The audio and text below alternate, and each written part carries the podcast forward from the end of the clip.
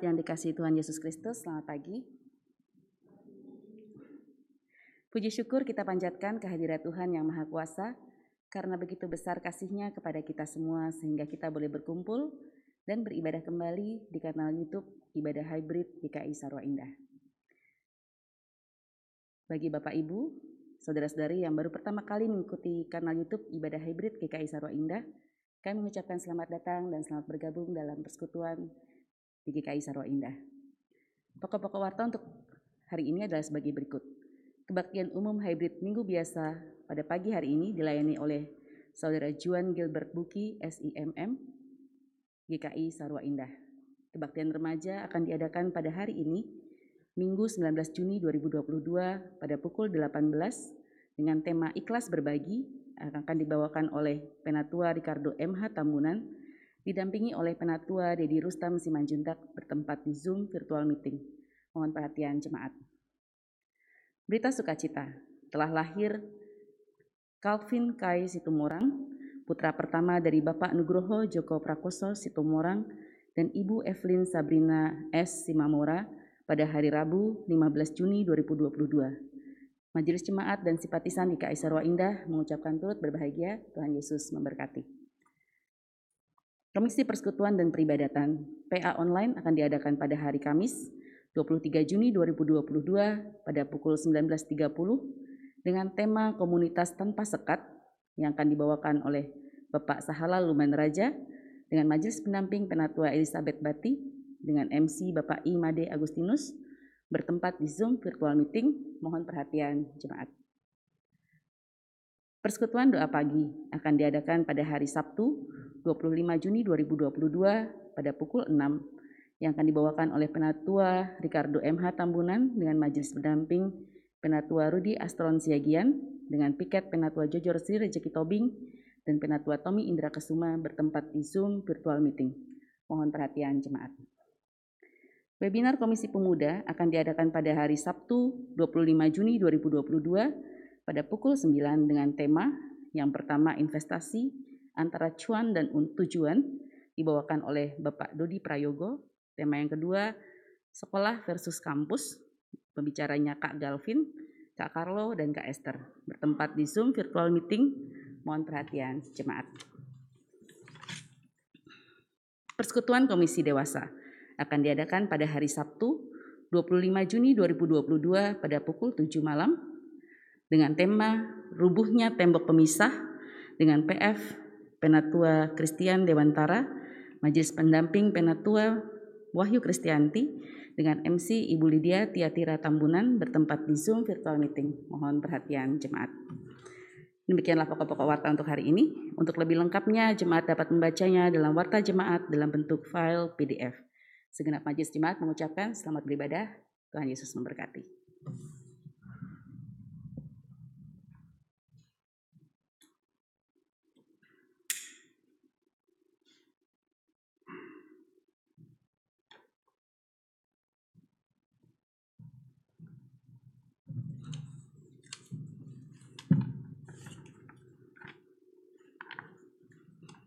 Tidak seperti Engkau di antara para Allah, ya Tuhan, dan tidak ada seperti apa yang Kau buat. Segala bangsa yang Kau jadikan akan datang sujud menyembah di hadapan-Mu, ya Tuhan, dan akan memuliakan namamu, sebab Engkau besar dan melakukan keajaiban-keajaiban. Engkau sendiri, ya Allah. Oleh karena itu, patutlah kita, umat Tuhan, datang bersujud sembah dengan segenap hati yang tertuju pada hadirat tahta Allah. Dengan bangkit berdiri, kita akan mengawali ibadah kita dengan nyanyian dari NKB 6 bait 1 dan 4 patut segenap yang ada.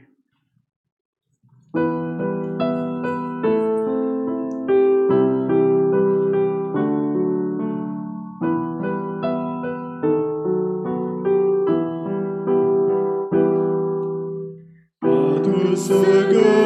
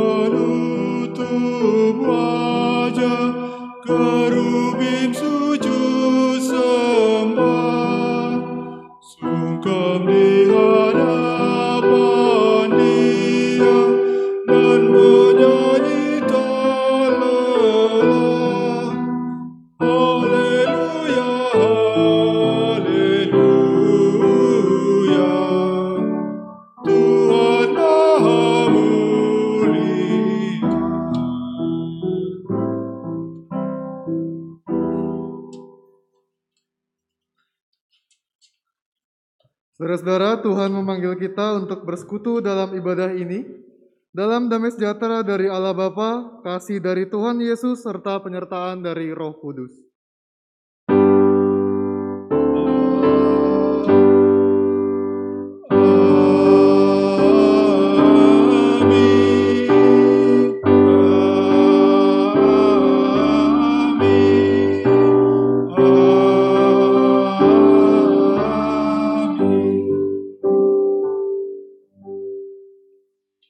Tuhan beserta saudara, dan beserta saudara juga.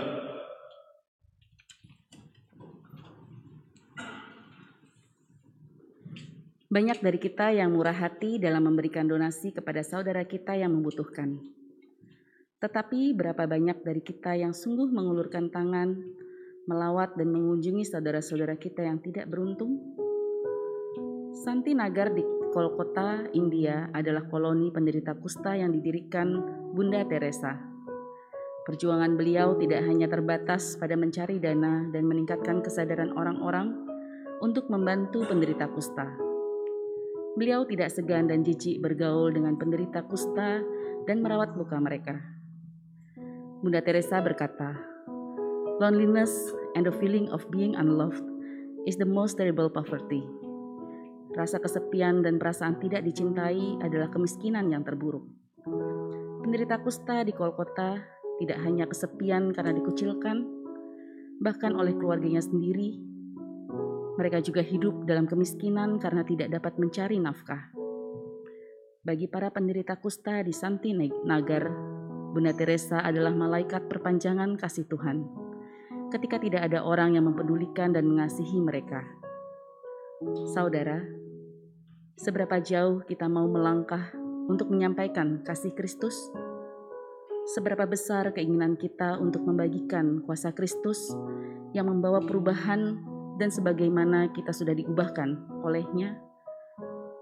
Mari kita datang kepada Kristus, memohon kemurahan atas kelalaian dan mengasihi ke saudara-saudara kita. Umat dipersilakan untuk berdoa secara pribadi dan saya akan tutupnya dalam doa pengakuan dosa. Mari kita berdoa.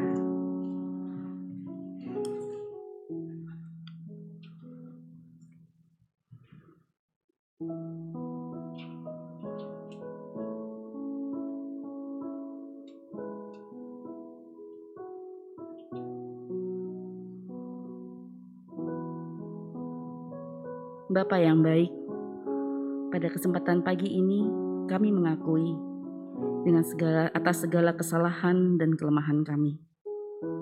Bapa ampuni kami jika kami masih lalai dalam perhatikan saudara-saudara kami, orang-orang kami sekitar kami dan juga bahkan orang-orang dalam keluarga kami sendiri.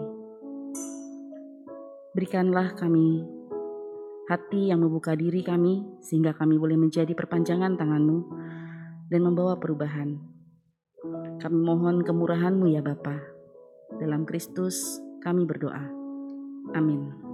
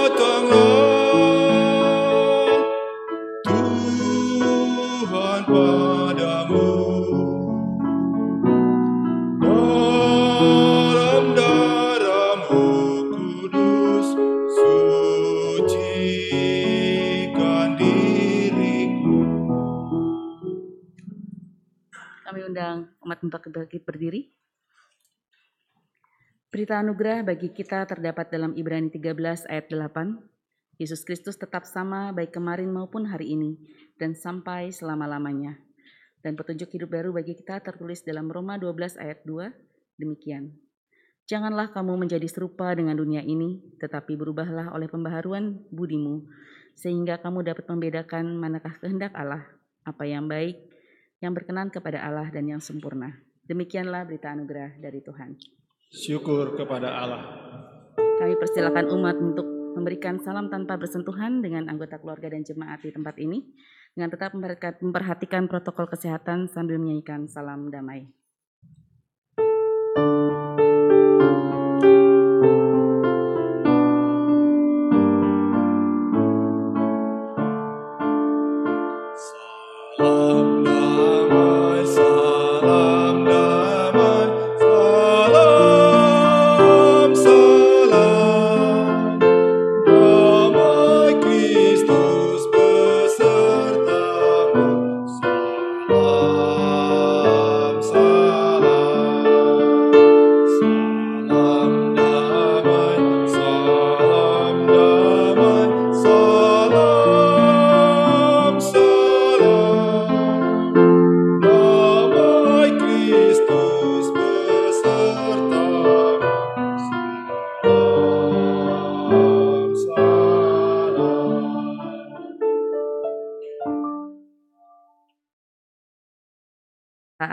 Kita akan menyanyikan dari PKJ 239 bait 1 dan 2 perubahan besar.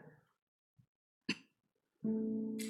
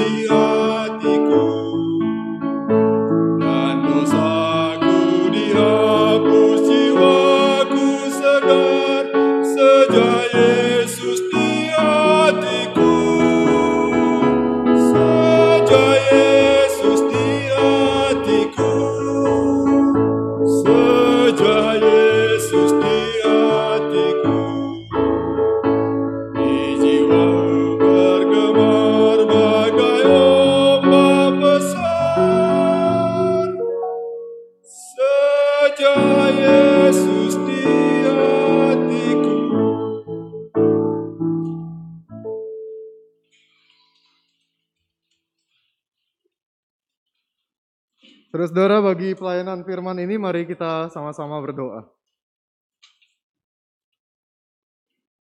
Sejauh mana kami terus melanjutkan kehidupan yang sungguh tidak dapat diterka, sejauh itu juga kami menyadari akan keterbatasan kami dan terus berusaha mencari jawaban atas segala pertanyaan di dalam Engkau, Sang Pemilik kehidupan. Hari ini menjadi medium bagi kami untuk merasakan kehadiran sekaligus kehendak-Mu yang dinyatakan melalui firman. Berkatilah agar pemberitaan firman ini sungguh membuka mata, pikiran, dan hati kami akan Engkau, sehingga kami pun dapat menjadi representasi keagungan-Mu, Tuhan. Biarlah kami yang terbatas ini dapat berjumpa dengan Dikau yang tidak terbatas. Dalam Bapa, Anak, dan Roh Kudus kami berdoa. Amin.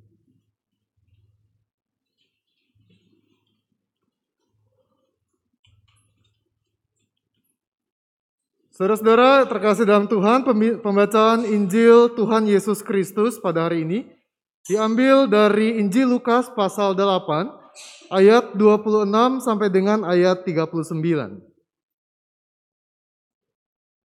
Lalu mendaratlah Yesus dan murid-muridnya di tanah orang Gerasa yang terletak di seberang Galilea. Setelah Yesus naik ke darat, datanglah seorang laki-laki dari kota itu menemui dia. Orang itu dirasuki oleh setan-setan dan sudah lama ia tidak berpakaian dan tidak tinggal di dalam rumah tetapi dalam pekuburan. Ketika ia melihat Yesus, ia berteriak lalu tersungkur di hadapannya dan berkata dengan suara keras, "Apa urusanmu dengan aku, hai Yesus, anak Allah yang maha tinggi? Aku memohon kepadamu supaya engkau jangan menyiksa aku." Ia berkata demikian sebab Yesus memerintahkan roh jahat itu keluar dari orang itu. Karena sering roh itu menyeret-nyeret dia, maka untuk menjaganya ia dirantai dan dibelenggu, tetapi ia memutuskan segala pengikat itu dan ia dihalau oleh setan itu ke tempat-tempat yang sunyi. Dan Yesus bertanya kepadanya, "Siapakah namamu?" Jawabnya legion, karena ia kerasukan banyak setan. Lalu setan-setan itu memohon kepada Yesus supaya ia jangan memerintahkan mereka masuk ke dalam jurang maut. Adalah di sana sejumlah besar babi sedang mencari makan di lereng gunung.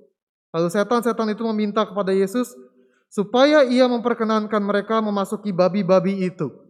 Yesus mengabulkan permintaan mereka.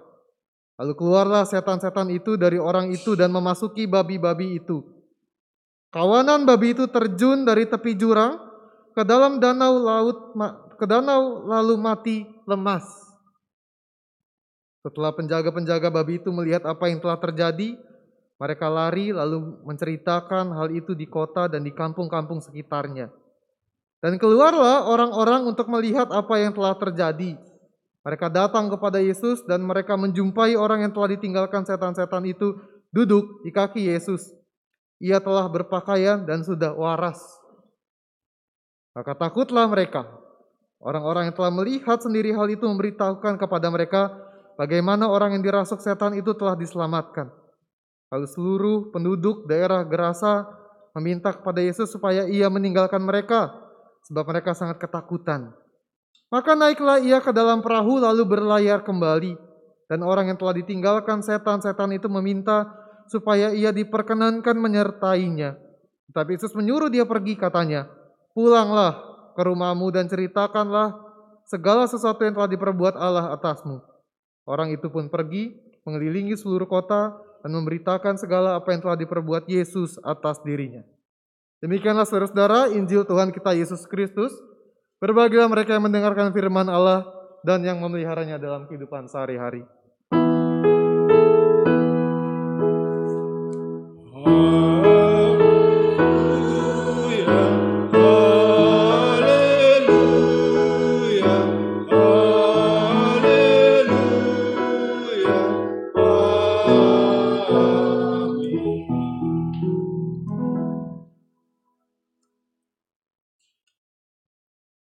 Baik, saudara-saudara, semoga saya diperkenankan untuk membuka masker karena ini cukup meng, apa ya, menahan nafas saya untuk bersirkulasi. Jadi saya izin untuk lepas masker ya. Nanti kalau dimarahin silakan dikonsistori ya. Saudara, pagi ini saya ajak kita melihat kondisi terkini kita. Ya, kita ini uh, punya kondisi terkini itu sangat berubah-ubah. Rasanya belum lama, saudara-saudara, kita ini merasa kondisi yang mulai stabil ya. COVID-19 yang angkanya menurun secara signifikan, sehingga sekolah-sekolah dibuka, gereja-gereja mulai hybrid, bahkan banyak yang sudah onsite. Betul ya? Lalu di tengah keadaan yang mulai stabil itu, kita juga rasanya kembali beraktivitas seperti sedia kala. Kita bertransisi ke keadaan kita yang sedia kala, sekalipun tidak akan pernah menjadi sedia kala itu. Gitu ya. Tapi kondisi ini memang sangat mudah berubah, tidak bisa ditebak, tidak bisa diterka. Kalau saudara-saudara mengikuti perkembangan, maka kita akan melihat angka kasus yang mulai naik kembali. Silakan saudara-saudara lihat. Bahkan kalau saya terakhir melihat, ya ada di gambar ya, itu angkanya mencapai sudah mulai ribuan. Jadi tidak bisa ditebak, saudara-saudara. Oh itu ya, itu masih 700 malah. Jadi tidak bisa ditebak, saudara-saudara. Naik turun, kondisi baik menjadi buruk. Apa yang saudara-saudara rasakan tinggal di dunia yang seperti ini? Nyaman? Senang? Damai? Tenang? Sukacita? Apa yang saudara-saudara rasakan sebenarnya? Saudara-saudara, uh, jutaan orang itu benar-benar hidup dalam kebimbangan. Arti masa depan mereka itu rasanya isinya adalah keraguan. Banyak orang sekali merasakan itu. Bahkan kondisi yang tidak menentu itu menghasilkan banyak sekali kekacauan. Ekonomi sudah pasti kacau. Kalau ekonomi sudah kacau, sosial politik pasti akan kena. Kalau sosial politik sudah kena, jangan jangan kaget kalau perang sudah mulai terjadi di mana-mana. Kita bukan hanya ada dalam kondisi yang susah, tetapi ada banyak dampak yang tidak kita kira dan sudah terjadi. Makanya semua orang berteriak sekarang ini, saudara-saudara. Semua orang itu mengerang ketakutan. Seperti itu.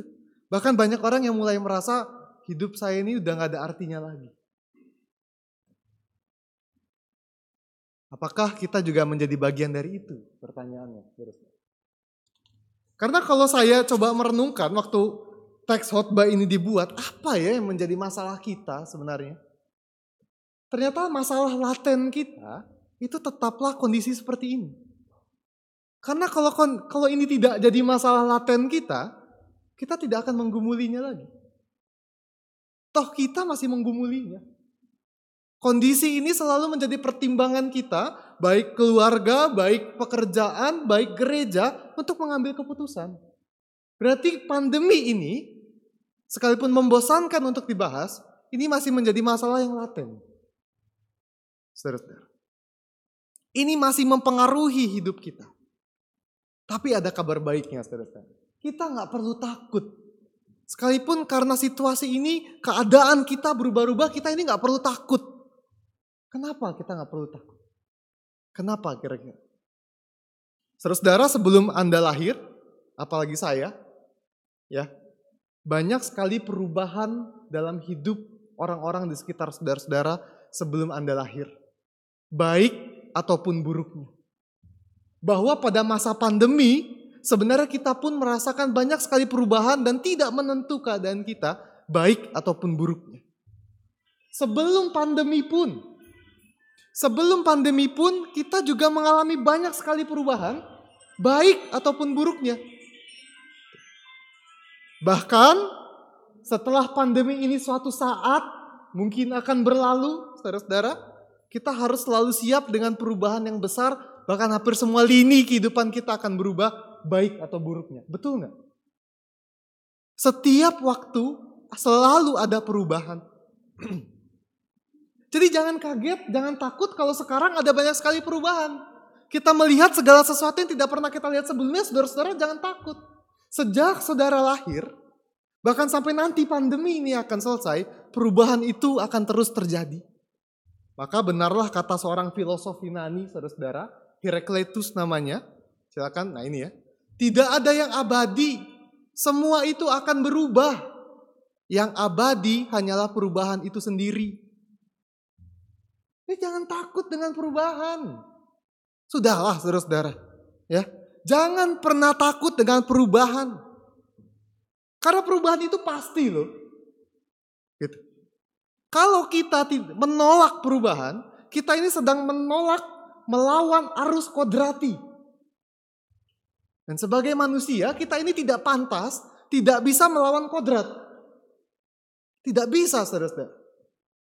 Bahkan banyak pemikir bilang perubahan itu adalah sesuatu yang adikodrati. Di luar kemampuan manusia bernalar. Karena ada banyak sekali perubahan di sekitar kita, itu tidak digerakkan manusia, tapi terjadi kan? Artinya apa saudara-saudara? Kalau kita saja tidak bisa melawan arus kodrati, apalagi yang adikodrati. Jadi perubahan ini adalah satu gerak kodrati dan adikodrati secara bersamaan. Yang sebenarnya inilah kekuatan Allah untuk senantiasa mengarahkan kita semesta ini untuk masuk ke dalam kehendaknya. Karena kita ini sering kepala batu. Bahkan gereja sekalipun, tokoh reformasi itu bilang pernyataan ini. Silakan di next. Ecclesia reformata semper reformanda. Dulu waktu saya tim liturgi, saya sampaikan ini nih. Ecclesia reformata semper reformanda. Saudara-saudara tahu artinya apa? Gereja reformasi, kita ini gereja reformasi kan? Gereja reformasi itu sesungguhnya adalah gereja yang terus mereformasi dirinya yang terus berubah. Jadi kalau kita stagnan, percuma ada gerakan reformasi di abad 16. Ya, siapa yang suka hobi stagnan dalam gereja ini? Saudara-saudara membuat gereja kita mundur. Karena eklesia reformata semper reformanda. Kalau gereja ini mau tetap menjadi gereja yang reformatif, kita harus terus berubah. Kita tidak datang dari dunia, tapi kita tinggal di dunia. Berarti perubahan itu meliputi gereja sekalipun. Perubahan itu saudara-saudara meliputi gereja sekalipun. Dan itu tidak bisa kita hindari sebagai umat Tuhan. Itu nyata saudara-saudara. Benar nggak sih ini apa yang disampaikan? Apakah semua yang saya katakan ini sebagai pemahaman dasar kita ini benar? Mari kita periksa, saudara-saudara ya. Mari kita periksa. Ada sebuah cerita, saudara-saudara. Ini cerita uh, baru saja saya bicarakan minggu lalu. Ya, ceritanya kayak gini lah sebelum saya cerita banyak. Ini ceritanya nyata ya, bukan fiktif, tapi karena alasan tertentu harus saya samarkan. Ini tayang di YouTube ya, betul ya para penatua ya. Dan sampai besok saya nggak boleh khotbah lagi, jadi ini disamarkan. Oke? Jadi saudara-saudara silakan di next. Ada sebuah komunitas iman. Jadi gambar ini jangan disalahartikan. Ada sebuah komunitas iman dan komunitas iman ini ada dalam proses pendewasaan menjadi sebuah gereja dewasa. Tangkap ya, konteksnya mereka ini lagi berproses menjadi jemaat dewasa. Mereka itu menempati sebuah lahan yang ditolak pembangunannya oleh masyarakat setempat. Sejak dulu sebenarnya sudah ada alternatif pemindahan tempat. Sekalipun mereka gak pindah pun mereka benar secara hukum. Gitu. Oke? Akhirnya karena melihat situasi ini banyak orang bahkan dari seluruh pelosok Indonesia itu prihatin. Kasihan. Gereja ini korban intoleransi. Oh, perhatiannya banyak.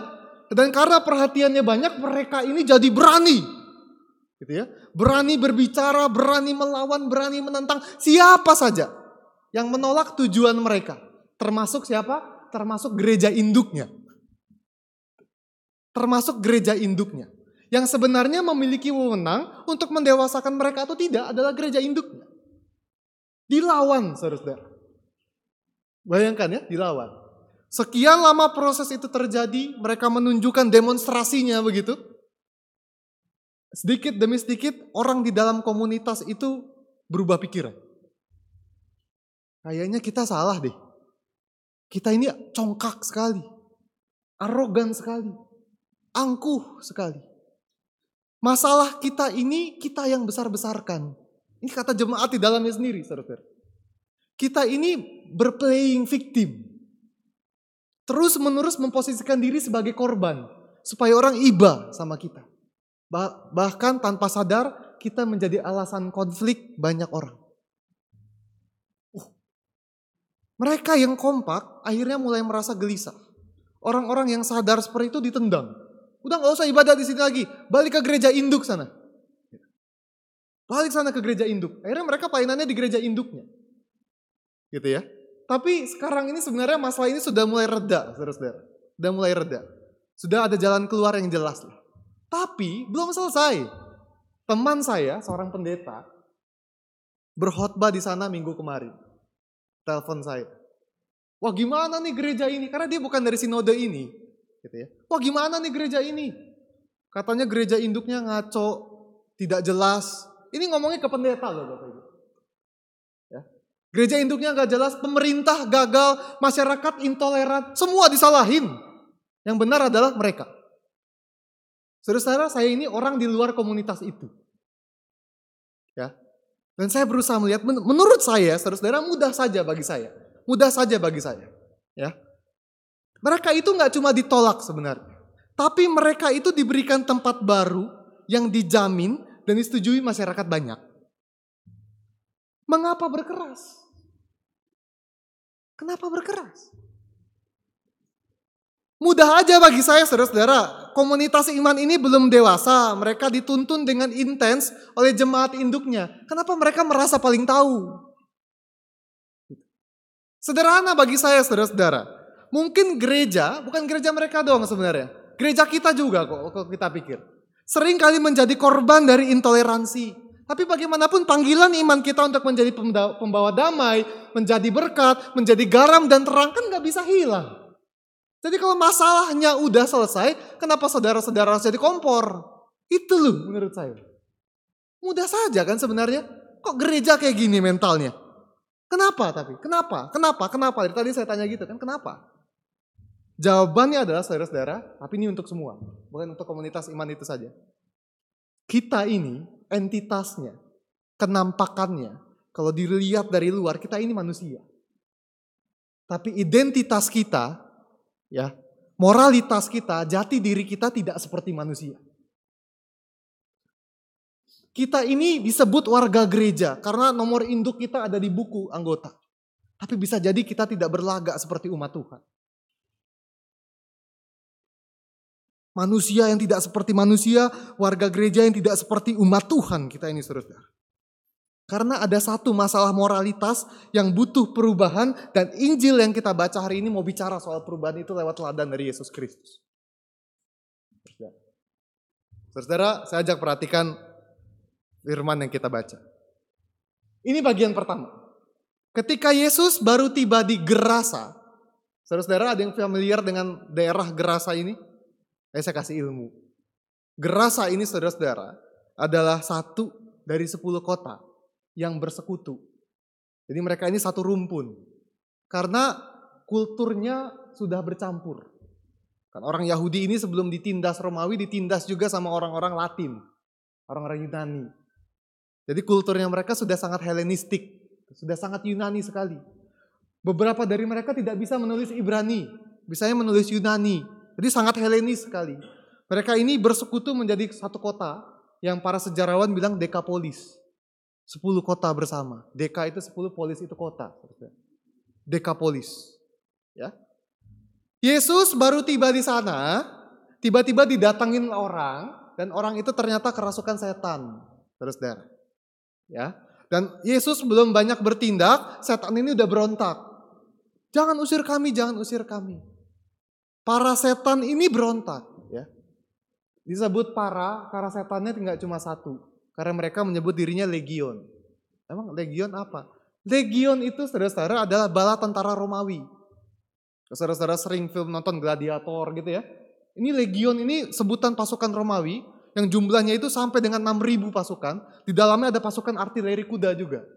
Dan tahu nggak pasukan legion ini gunanya menaklukkan bangsa lain. Tapi saya nggak tahu kenapa dipakai untuk sebutan setan sebenarnya.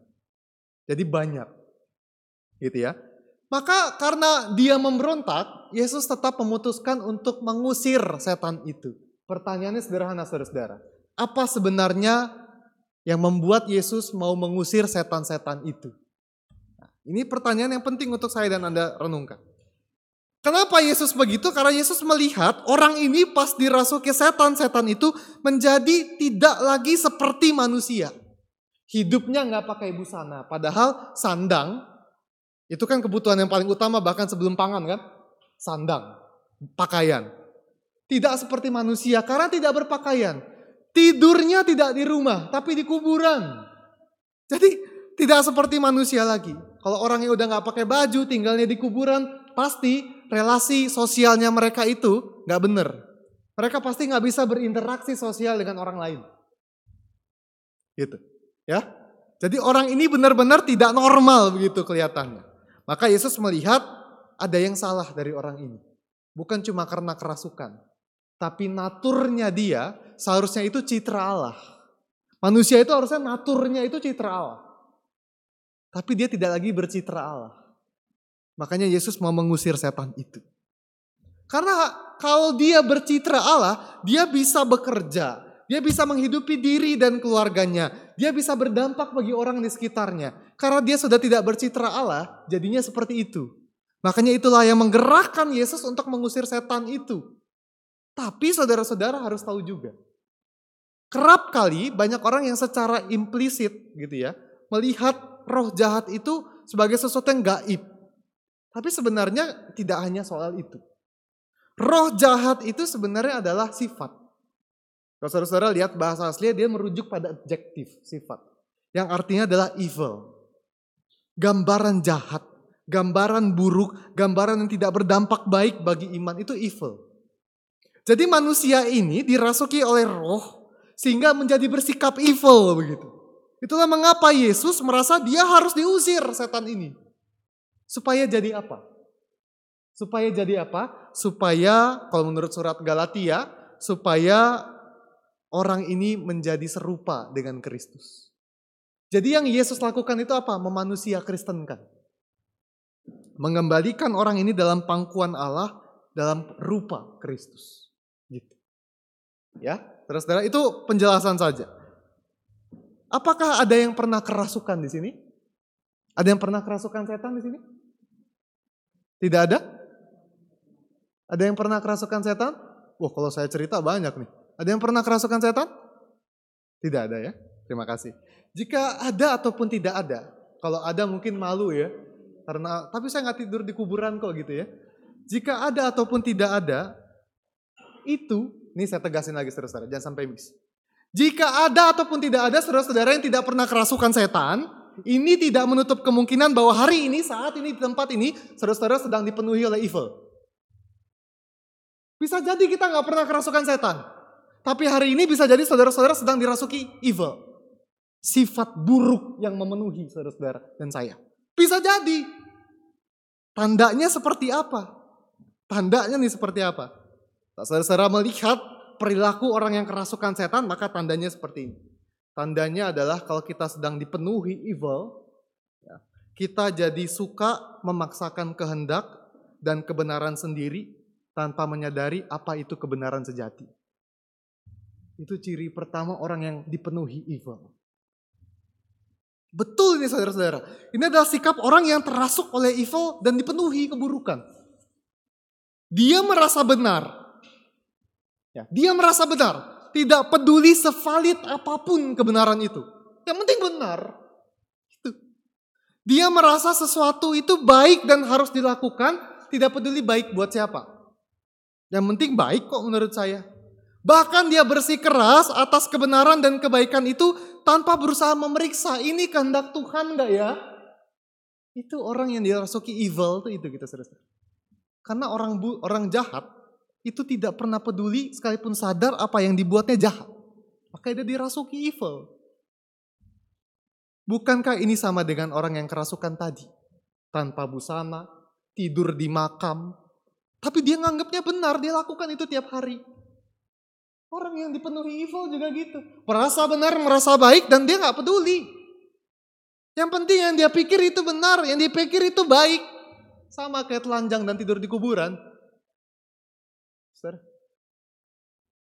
Kurang sama apalagi dia seperti orang yang kerasukan tadi. Tidak bisa mengendalikan diri. Gak pernah pandang orang lain yang penting saya mau selesai. Pengendalian dirinya minim. Orang yang kerasukan setan tidak mungkin bisa mengendalikan diri kan. Betul kan? Karena dia aja gak punya kesadaran.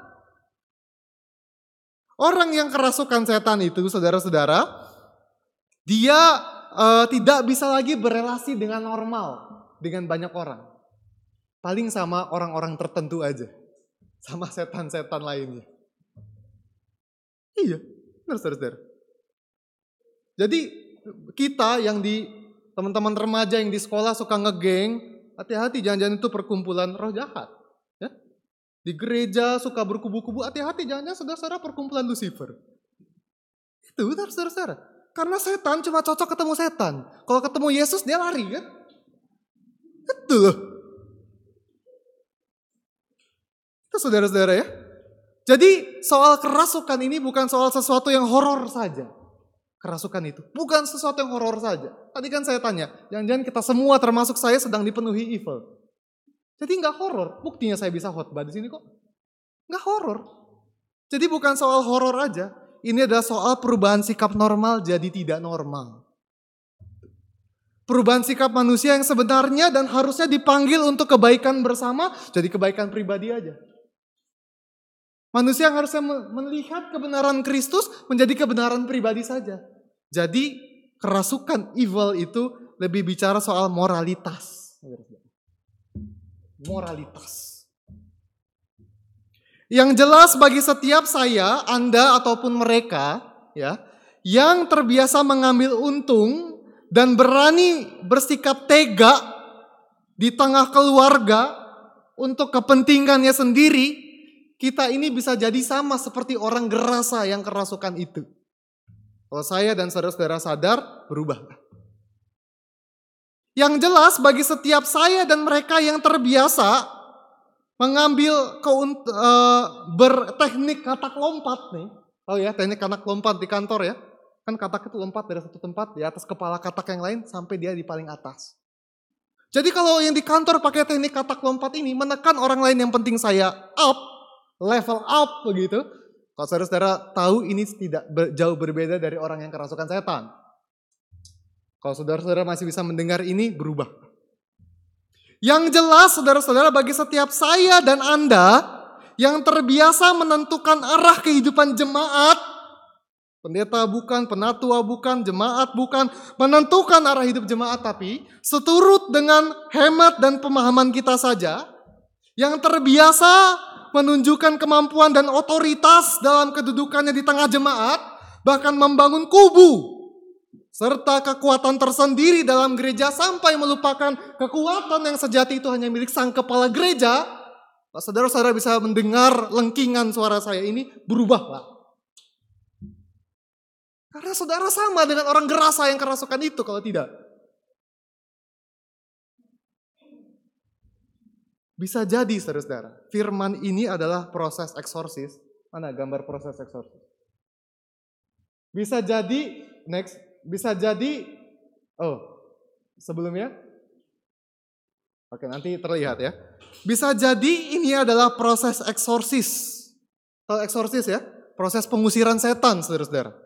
Nggak familiar mungkin karena tradisi protestan jarang. Tradisi katolik ada. Bisa jadi firman ini adalah proses eksorsis yang sedang Allah kerjakan dengan begitu lembut bagi Anda dan bagi saya. Supaya kita tidak dipenuhi evil lagi. Supaya kita tidak kerasukan setan lagi. Bisa jadi firman ini adalah media perubahan yang menuntut Anda dan saya supaya cepat sadar bahwa apa pun kita, apa pun keadaan kita sekarang, kita butuh perubahan supaya lebih baik. Dalam kondisi yang baik pun saudara-saudara, perubahan itu penting supaya lebih baik lagi. Jadi jangan pernah merasa sudah baik dan tidak butuh perubahan. Oke? Itu, saudara-saudara. Itu bagian yang pertama. Bagian yang kedua adalah bagian lain yang saya mau ajak saudara-saudara lihat dan renungkan. Adalah penggalan kisah selanjutnya dalam Injil ini. Saudara-saudara tahu para setan itu takut waktu Yesus mau ngusir dan mereka minta diusir ke mana? Babi. Padahal enak kan? Tapi jadi sarangnya setan ternyata. Setan-setan ini kenapa minta diusir ke babi? Karena dalam tradisi Yahudi, saudara, babi itu haram. Kita orang Kristen makanya makan babi kan? Dalam tradisi Yahudi, babi itu haram. Maka jangan sosok jadi orang Yahudi kalau masih makan babi. Dalam tradisi Yahudi, babi itu haram. Dan setan itu akhirnya sadar bahwa dampak evil yang dia yang dia uh, hadirkan kepada manusia yang dirasuki itu jahat, buruk, tidak benar, merusak, yang setara dengan haram. Gitu. Setan ini nggak sadar, dia tidak bisa berpaling lagi, dia tidak bisa menutupi apa-apa lagi kalau sudah berjumpa dengan Yesus. Maka dia bilang, Tuhan usir saya saja ke babi-babi itu. Dan Yesus lakukan apa? Iya diusir. Kenapa? Karena diri Yesus yang manusia adalah orang dalam tradisi Yahudi. Yesus usir ke babi-babi itu. Akhirnya babi itu loncat ke jurang, masuk ke dalam danau, lalu mati. Tahu nggak yang menarik dari kisah ini apa, saudara? Tahu nggak? Yang menarik apa? Setan yang sering kali kita anggap sebagai pusat dari kejahatan pun masih sadar kalau dia setan. Ini benar, saudara-saudara. Di depan Yesus dia nggak bisa berpaling lagi.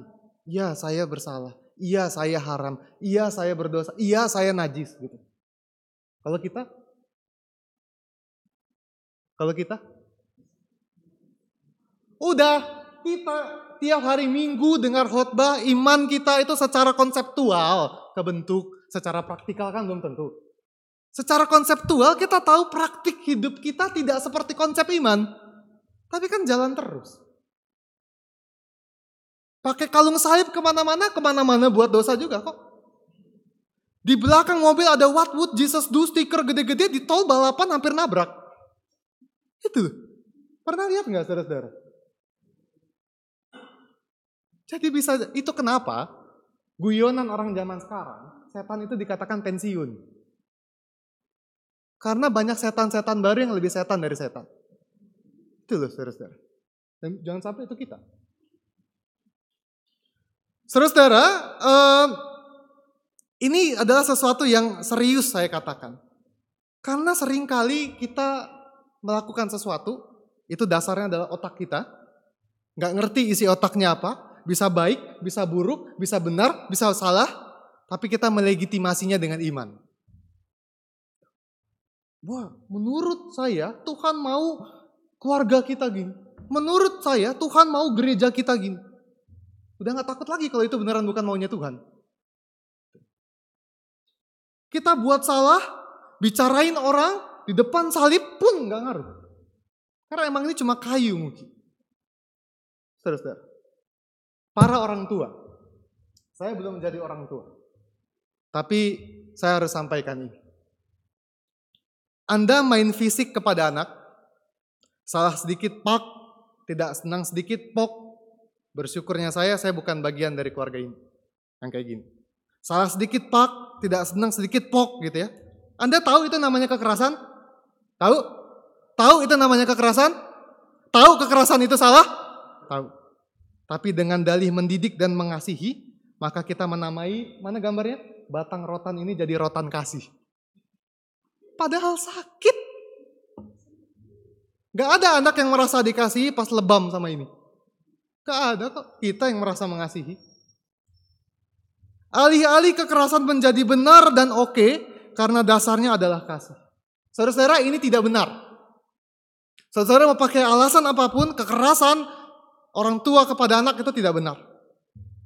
Silakan coba kalau saudara-saudara mau anak-anak saudara-saudara jadi Mike Tyson. Tapi saya nggak anjurkan. Hai para anak, termasuk saya sekarang. Di atas ada teman-teman remaja, saya lihat. Di bawah juga. Kita sering menentang orang tua. Coba matanya lihat ke sini. Sebab kita sering menentang orang tua bahkan dengan bahasa yang paling menyakitkan sekalipun. Saya juga. Silakan diklarifikasi ke orang tua saya. Kadang-kadang menyesal sekali gitu. Dengan bahasa yang paling menyakitkan sekalipun. Kita bisa beradu argumen dengan orang tua dengan retorika-retorika yang sebenarnya cuma muter-muter aja kan? Bahkan kita ngerasa bisa mengelabui orang tua, padahal orang tua pun tahu sedang kita kelabuhi. Betul kan? Betul kan? Betul nggak? Padahal kita bukan anak kecil lagi yang tahu bahwa itu salah kan? Tidak mungkin kita nggak tahu kok sebenarnya. Tapi toh kita lakukan juga kan? Tapi toh kita lakukan juga kan? Teman-teman remaja. Ya, karena saya bukan remaja jadi saya leluasa aja nih panggil kayak gini. Teman-teman remaja, eh, waktu saya juga sedang remaja, saya ingat kata-kata Omarino ya. Remaja itu masa eh, lagi meledak-meledak gitu saudara-saudara. Nggak bisa diatur. Wah, berontak banget gitu. Waktu saya remaja, saya selalu merasa diri saya ini benar. Bahkan di depan kedua orang tua saya juga. Tapi setelah pelan-pelan hidup terus berubah gitu ya. Sebenarnya yang berubah lebih banyak keadaan bukan saya. Keadaan yang berubah, saya baru menyimak saudara-saudara. Hampir semua nasihat orang tua yang pernah saya lawan itu benar. Jadi kalau kita udah tahu ya, kita ini salah. Dan kita masih melakukan yang salah, kita ini bahkan gak lebih baik dari setan. Kita ini apa sih sebenarnya? Itu. Ya. Dan ketika babi itu, terus saudara, masuk ke dalam jurang, ke danau itu, lalu mati, apa yang dilakukan orang-orang? Orang-orang malah mengusir Yesus. Karena takut. Menurut beberapa tafsiran mereka takut. Kalau Yesus makin lama di Gerasa, makin banyak kejadian aneh. Mereka nggak mau ada babi lagi atau hewan ternak lagi yang mati. Tapi selama sebelum Yesus datang, mereka bisa melihat orang lain seperti orang gila. Tangkap maksud saya. Babi mati jadi perkara. Ada bencana lain jadi perkara. Tapi lihat sesama kita yang telanjang, tidurnya di kuburan, nggak apa-apa. Biarin aja dia jadi orang gila, asalkan babi-babi itu nggak mati. Intinya begitu, saudara-saudara. Saudara tahu sikap-sikap orang ini adalah gambaran orang yang menolak dan takut pada perubahan. Menolak dan takut pada perubahan. Mereka takut akan konsekuensi dari perubahan itu. Sekalipun perubahan yang Yesus lakukan itu membuat sesama itu pulih. Siapa yang di antara kita seperti itu? Yang takut sama perubahan. Yang nggak siap menghadapi konsekuensi dari perubahan. Siapa? Ialah kita yang di mana pun kita berada, kita suka main posisi aman. Padahal sadar di sekitar kita ada yang keliru. Kita yang suka ada di tengah safety zone, padahal di sekitar kita itu ada kekacauan. Kita yang tutup mata pada perbuatan orang lain yang keliru, yang penting saya tetap diterima komunitas. Itu kita yang seperti itu. Nah, tadi kan saya udah banyak negur kan? Jadi sekarang saya mau menginspirasi saudara-saudara dengan sesepuh GKI. Seorang sepuh GKI nih saudara-saudara. Ya kalau saudara nggak kenal, saudara-saudara kurang update seperti ini. Ini adalah almarhum, sudah meninggal ya, almarhum pendeta emeritus Kuntadi Sumadikarya. Ada yang tahu? Angkat tangan deh, saya pengen lihat yang di sini aja. Ada yang tahu? Para penatua juga nggak tahu? Jarang main ke sinode ya? Ini. Saudara-saudara tahu ini siapa? Ya, ini adalah mantan ketua sinode GKI wilayah Jawa Barat. Sekarang pendeta Davidi Jonas. Sebelumnya dia. Di tengah warga GKI Jawa Barat, ini orang yang selama hidupnya tidak pernah terpikir akan diganti. Pokoknya dia teruslah ketua sinode wilayah kita. Kenapa? Karena tidak orang-orang Jabar nih, kalau saya khotbah di Jabar dia ngomong gini, hampir tidak pernah ada sedetik dalam hidupnya berhenti berkarya. Gitu. Saya sebenarnya skripsi mau wawancara dia, tapi keburu meninggal. Eh keburu sakit waktu itu. Keburu sakit keras dia. Akhirnya saya wawancara penggantinya, pendeta Davidi. Sama lah pendeta Davidi sama dia. Rendah hati, tapi jarang bicara, diem aja. Tapi kalau kerja banyak. Itu kan orang ya. Setelah reformasi, saudara-saudara, ya ini gambar pendeta pun tadi ya. Setelah reformasi, bangsa kita itu didera isu intoleransi yang sangat tinggi. Bahkan setelah reformasi 98. Gereja itu, termasuk GKI setelah tahun 98 itu hidupnya sukar. Orang takut menjadi orang Kristen. Di tengah masa sukar-sukar itu, pada tahun 2010 terjadi bencana besar. 2004 tsunami Aceh ya. 2010 banyak masyarakat Indonesia luput bahwa terjadi gempa dan tsunami besar juga di Mentawai. pendeta emeritus Kutadi Sumadi Karya ini eh, bicara dan saya mendengarnya bukan di tahun 2010. Saya masih ngapain gitu 2010. Tapi saya justru mendengarnya dari video yang setiap Natal di seluruh BPK Penabur ini diputar. Eh, ini kata-katanya. Saudara nggak bisa lihat, saya bacain. Perhatikan baik-baik. Ini tiap tahun diputar. Dan saya dengar itu selalu, uh tertusuk hati saya. Gereja harus mengambil sikap berani dan berkorban bagi anak-anak dan orang-orang mentawai. Pemerintah, lembaga, ormas, semua datang kok waktu tanggap bencana. Tapi waktu masa tanggap bencana habis, mereka pergi. Kita tidak bisa begitu. Karena kita ini gereja. Kita harus terpanggil untuk membangun kehidupan mereka. Sekalipun itu akan menyulitkan gereja untuk tahun-tahun ke depan karena kebutuhan biayanya sangat amat besar. Tapi dengan adanya mereka, dengan adanya kondisi mereka, maka fokus kita mesti berubah demi mereka. Lakukanlah perutusan ini. Serentak, ya, serentak Sinode AM GKI yang sekarang ada di Serpong itu pun setuju dengan perkataan Pak Kun tadi ini. Gitu. Saudara-saudara tahu buktinya apa? Coba next slide. Beberapa, oh sorry, beberapa badan GKI, kalau saudara lewat tiga lambang ini, mungkin lambang yang kiri, eh kiri, tengah kenal ya? Kiri itu lambang Sinode AM GKI, tengah lambang BPK Penabur, kanan lambang apa? Supaya pengetahuan kita ini luas gitu loh. Kanan apa? kanan ini lambang GKI Jabar sebelum menjadi AM GKI. Jadi ini dipakai jadi lambang sinode wilayah GKI Jabar. Itu lambangnya ya. Gitu ya. Tiga badan ini mempelopori berdirinya itu Kaum. Kasih abadi untuk mentawai, Yayasan Kaum. Itu di bagian atas kiri adalah kondisi mentawai habis gempa dan tsunami. Di bagian bawah itu adalah sekolah, asrama, panti bagi anak-anak mentawai. Dan saudara-saudara tahu setiap periode tertentu guru-guru BPK Penabur itu diterbangkan ke sana berbulan-bulan untuk mengajar. Supaya apa? Sekolah kaum ini berkualitas. Tidak cuma jadi panti asuhan ecek-ecek. Pendeta kun tadi tadi bilang apa? Habis masa tanggap bencana, kita nggak boleh pergi. Ini udah 12 tahun dari peristiwa dan kaum masih beroperasi. ya, ini adalah kemanusiaan, saudara-saudara. Ya, kepedulian, empati, tekad bulat, kepekaan kuat bagi sesamanya manusia. Mata gereja itu seharusnya terbuka. Bahwa benar kita sukar dalam persekutuan, benar sukar persekutuan kita. Bahwa benar membangun gereja itu susah, izinnya juga susah benar.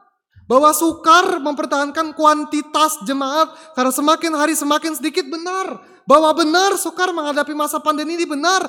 Bahwa benar memang suka memang susah, sukar merawat kehidupan jemaat, banyak konfliknya, benar.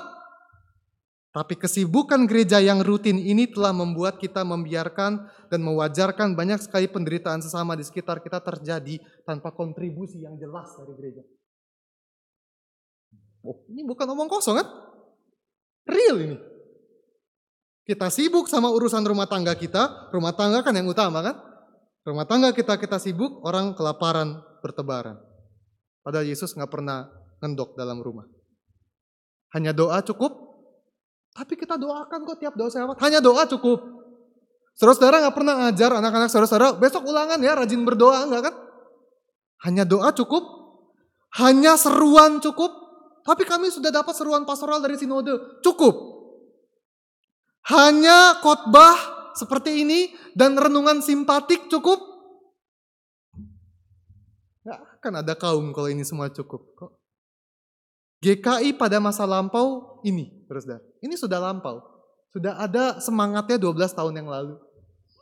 GKI pada masa lampau melalui pendeta Kuntadi Sumadi Karya yang sudah meninggal sudah melakukannya. Saya tanya kepada ibu bapak, ibu bapak Bagaimana wajah GKI sekarang ini? Bagaimana? Gak usah dijawab, perenungkan aja. Teman-teman remaja, bagaimana wajah GKI pada masamu nanti? Ada guru sekolah minggu di sini? Guru guru-guru sekolah minggu, bukan cuma KST aja, guru-guru sekolah minggu dan tante ya. Guru-guru sekolah minggu Apakah anak-anak kita sudah dipersiapkan untuk menjadi GKI-GKI yang tidak banyak bicara tapi banyak berkarya? supaya kita benar-benar bisa melakukan yang tadi, bahkan sampai habis zaman ini. Ya, minimal saudara-saudara kalau itu belum bisa terjawab, saudara-saudara harus tahu kita pun sebagai jemaat tidak boleh tercerai berai. Karena kita harus bersama-sama melakukan perubahan besar. Saudara-saudaraku, marilah kita menjadi pembawa damai. Menjadi pembawa perubahan. Upgrade jika perubahan itu tidak esensial, upgrade. Karena jangan sampai perubahan-perubahan yang kita lakukan itu adalah perubahan-perubahan yang kecil-kecil aja, nggak penting. Upgrade. Mari kita kerjakan perubahan besar itu bersama-sama. Karena kalau cuma saya, kalau cuma Anda, kalau cuma kubu-kubu Anda, tidak akan pernah ada perubahan besar. Bahkan kalau perubahan itu perlu mengorbankan diri kita, asalkan menghasilkan hal yang esensial bagi orang lain, berkorbanlah. Berkorbanlah. Karena itulah yang Allah kendaki dan minta kita gumuli dan perjuangkan sejak hari ini. Saudara-saudara, mari kita menunjukkan kepada dunia bahwa kuasa Kristus sungguh membawa perubahan melalui gereja. Tuhan yang memampukan kita. Amin. Bahkan saudara-saudara mengambil saat hening. Jemaat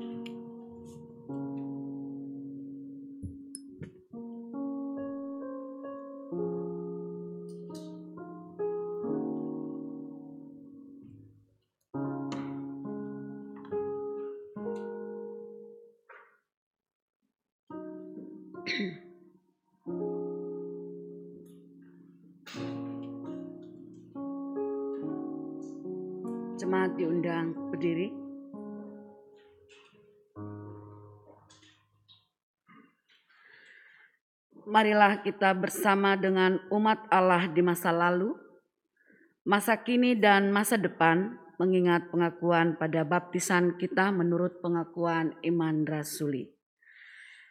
Aku percaya kepada Allah Bapa yang Maha Kuasa, Halik langit dan bumi, dan kepada Yesus Kristus, anak yang tunggal Tuhan kita, yang dikandung daripada roh kudus, lahir dari anak darah Maria, yang menderita sengsara di bawah pemerintahan Pontius Pilatus, disalibkan, mati dan dikuburkan, turun ke dalam kerajaan maut.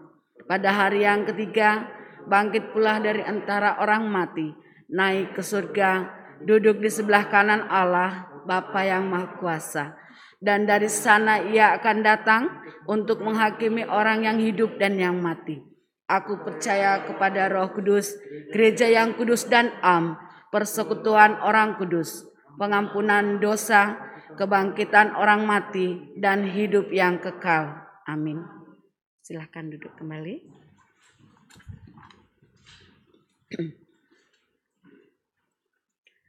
Mari kita berdoa. Kami bersyukur Tuhan untuk sekretariat yang indah ini, di mana kami beribadah dan melakukan semua aktivitas gerejawi yang lain di dalam sini. Kami bersyukur untuk Yayasan Sekolah Nusa Indah yang selama ini dan ke depannya tetap kami pakai. Kami bersyukur untuk lahan yang ada di Dusun Tiga. Biarlah lahan yang Tuhan berikan dan sediakan bagi kami jemaat Tuhan yang ada di GKI Sarua Indah. Kelak tiba saatnya kami akan membangun sebuah gedung gereja yang permanen di atasnya. Dan saat ini ada saudara-saudara kami yang mengelolanya. Tuhan juga memberkati mereka dan biarlah nama Tuhan tetap dipermuliakan. Kami juga bersyukur untuk lahan yang ada di Nusa Loka. Kami percaya Tuhan yang akan memberikan kepada kami persetujuan bangunan gedung yang kami butuhkan melalui wali kota Tangsel dan jajarannya. Terima kasih Tuhan untuk semua berkat yang Tuhan berikan kepada kami, Jemaat GKI Sarua Indah. Inilah doa permohonan kami yang jauh dari sempurna, tapi kami yakin dan percaya Tuhan sudah menyempurnakannya karena kami hanya datang di dalam satu nama, yaitu nama anakmu Yesus Kristus Tuhan kami. Lanjutkan syafaat kami pada hari ini. Kami teringat akan saudara-saudari kami yang dalam kelemahan tubuh. Tuhan memberkati Ibu Mamik Palon, Ibu Hana Panjaitan, Ibu Yulia Kristianti, Bapak Christian Hutagalung, Ibu Nike Elizabeth Buki, Bapak Wahyu Hidayat, Ibu Yohana Triani, Ibu Maria Magdalena, Ibu Tambunan, Ibu Sara Jaya Sumadi, Bapak Rudi Pasaribu, Ibu Jumarti, Bapak Tobias, dan Saudari Tesalonika Wulandari. Kami menghantar saudara-saudari kasih kami ini ke dalam tangan Tuhan. Sang sumber kasih, sang sumber kehidupan, biarlah Tuhan rela melawat satu persatu saudara-saudari terkasih kami ini. Menghadirkan sukacita, semangat, keyakinan, iman, bahkan pengharapan. Sehingga oleh karena kasih Tuhan, mereka boleh disembuhkan. Kami juga berdoa bagi setiap mereka yang bersuka cita oleh karena pertambahan usia, oleh karena kehidupan, oleh karena pekerjaan, oleh karena keluarga, dan oleh karena berbagai macam hal lainnya. Biarlah kami bersyukur bersama dengan mereka sambil mendoakan setiap kami, setiap bagian dari jemaat Tuhan untuk turut mengambil bagian dalam rupa-rupa bentuk pelayanan di tengah jemaat kami ini. Kami berdoa juga bagi gereja, agar keberadaan kami sebagai gereja adalah gereja yang berdampak, tidak hanya semata-mata membangun diri kami, tetapi juga membangun orang-orang di sekitar kami. Kami boleh mengulurkan tangan kami sebagai uluran tangan yang datang dari Allah untuk menjadi berkat, untuk menguatkan, untuk menolong, bahkan untuk memulihkan dan membebaskan setiap mereka yang berbeban berat. Tuhan juga berkati semua hal yang sedang kami tuju sebagai gereja. Biarlah Tuhan menyertai, biarlah Tuhan Sang Kepala Gereja memberikan apa yang sungguh menjadi kebutuhan kami. Kami juga berdoa bagi kaum muda, bahkan anak-anak, sebagai masa depan dari gereja kami ini. Biarlah Tuhan mengarahkan dan memanggil mereka dengan lebih untuk mengambil bagian dalam pelayanan kategorial mereka masing-masing. Agar mereka boleh memuliakan Tuhan dengan cara mereka. Dan persiapkan hati kami para jemaat, badan pekerja gereja ini, agar boleh senantiasa mendukung dan memberikan, memfasilitasi segala yang mereka butuhkan. Selama itu sungguh baik dan memuliakan Tuhan. Kami berdoa juga bagi situasi pandemi, keadaan bangsa dan negara, bahkan situasi dunia sekarang ini. Biarlah segala carut marut yang perlu kami lihat dan hadapi, kami tanggung dan hadapi bersama dengan Tuhan. Sehingga kami tidak takut, sehingga kami tidak gentar oleh karena perubahan situasi yang begitu cepat. Sebab kami sungguh sadar pegangan kami yang tunggal, pegangan kami yang kuat, yaitu di dalam Kristus Tuhan kami. Inilah segala rangkaian doa kami dan biarlah kami menyerahkan ini ke dalam tanganmu yang pun telah mengajar kami berdoa.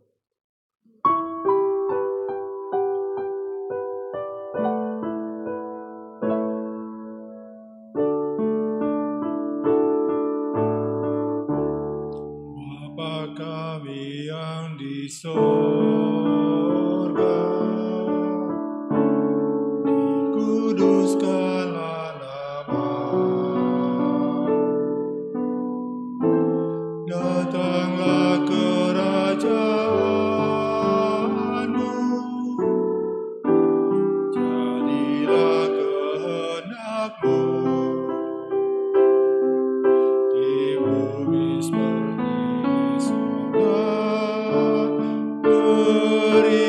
Berikanlah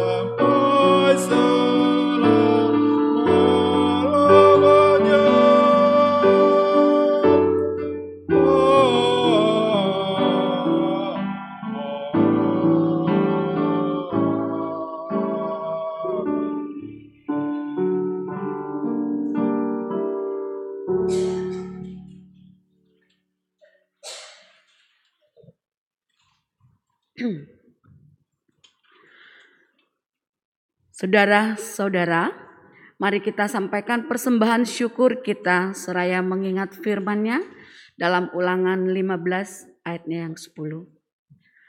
Engkau harus memberi kepadanya dengan limpahnya dan janganlah hatimu berduka cita apabila engkau memberi kepadanya sebab oleh karena hal itulah Tuhan Allahmu akan memberkati engkau dalam segala pekerjaanmu dan dalam segala usahamu bagi umat yang hadir di ruang ibadah dapat memberikan persembahan dengan men-scan QR code yang sudah tercetak terdekat dengan kursi Anda atau dapat memasukkan dalam kotak yang tersedia. Sambil memberikan persembahan, kita bernyanyi dari Kidung Jemaat 302, bait 1 sampai dengan bait yang ketiga, kubri persembahan.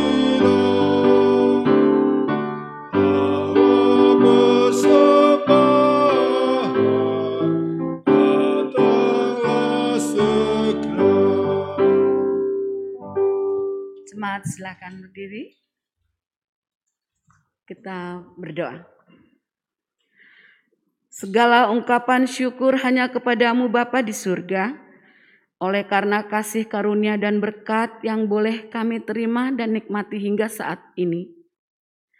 Kami tahu dan percaya semua berkat yang kami peroleh itu karena kemurahan Tuhan dalam kehidupan kami. Untuk itu Bapa, sebagai bukti ungkapan syukur kami kepadamu, saat ini kami hendak memberikan persembahan kami yang sudah kami kumpulkan. Kuduskan dan terimalah persembahan kami ini, agar persembahan ini boleh menjadi berkat buat pelayananmu dan di mana pun persembahan ini diperuntukkan dan digunakan. Dan seberapapun yang kami berikan, kami sudah memberikannya dengan penuh syukur. Mampukan kami untuk mengelola persembahan ini dengan baik dan ajarkanlah kami senantiasa untuk terus mengucap syukur dalam segala hal, terutama tahu mempersembahkan tubuh kami yang hidup ini kepadamu dan jadikan kami saluran berkat bagi sesama kami. Inilah doa dan ucapan syukur kami Tuhan. Terimalah karena kami hanya datang di dalam satu nama, yaitu nama anakmu Yesus Kristus Tuhan kami. Amin.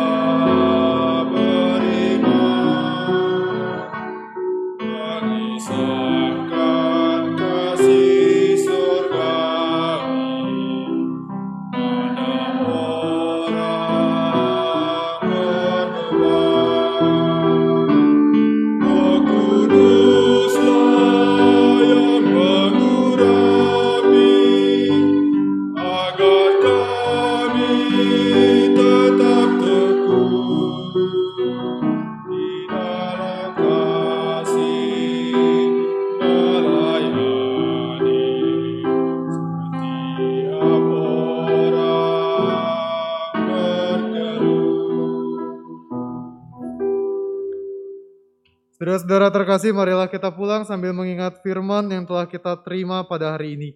Maka arahkanlah hatimu kepada Tuhan. Mari mengarahkan hati kami kepada Tuhan.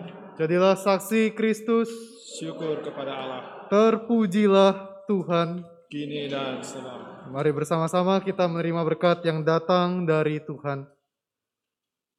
Tuhan memberkati kita dan melindungi kita.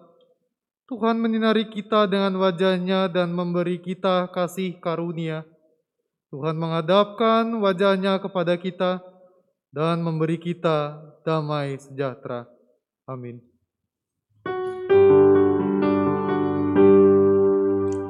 Amin.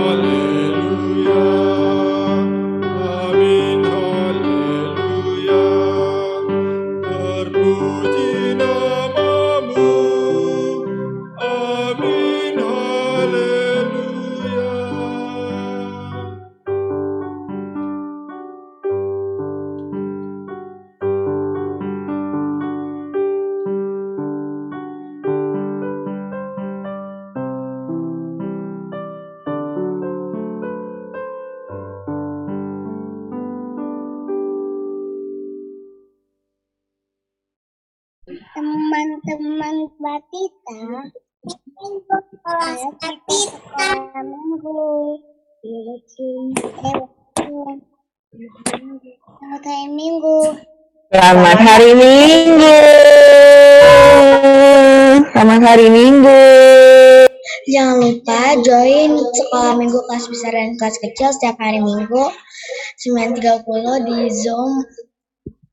Selamat hari Minggu teman-teman. Selamat hari Minggu. Selamat hari Minggu. Hari Minggu. Selamat hari Minggu. Tuhan Yesus memberkati. Selamat pagi, Bapak-bapak, Ibu-ibu yang dikasihi Tuhan Yesus. Kami dari tim Komisi Peribadatan dengan senang hati mengundang Bapak-bapak, Ibu-ibu sekalian untuk ikut bergabung bersama-sama mengikuti pendalaman Alkitab yang diadakan setiap hari Kamis pukul 19.30 melalui Zoom virtual yang sudah tersedia. Kami tunggu kehadirannya. Selamat hari Minggu. Selamat Selamat hari hari Minggu. Tuhan memberkati. Teman-teman, jangan lupa untuk ikut ibadah Komisi Remaja GKI Sarwa Indah setiap hari Minggu jam 6 sore melalui aplikasi Zoom. Selamat hari Minggu! Selamat hari Minggu. Hari Minggu. Beli mangga si mana lagi? Makan satu, minta dua. Catat. Mari saudara-saudara bersama datang di waktu pagi setiap Sabtu pukul 6 kita berdoa. Selamat hari Minggu, Tuhan Yesus memberkati. Selamat hari Selamat hari Minggu. Minggu.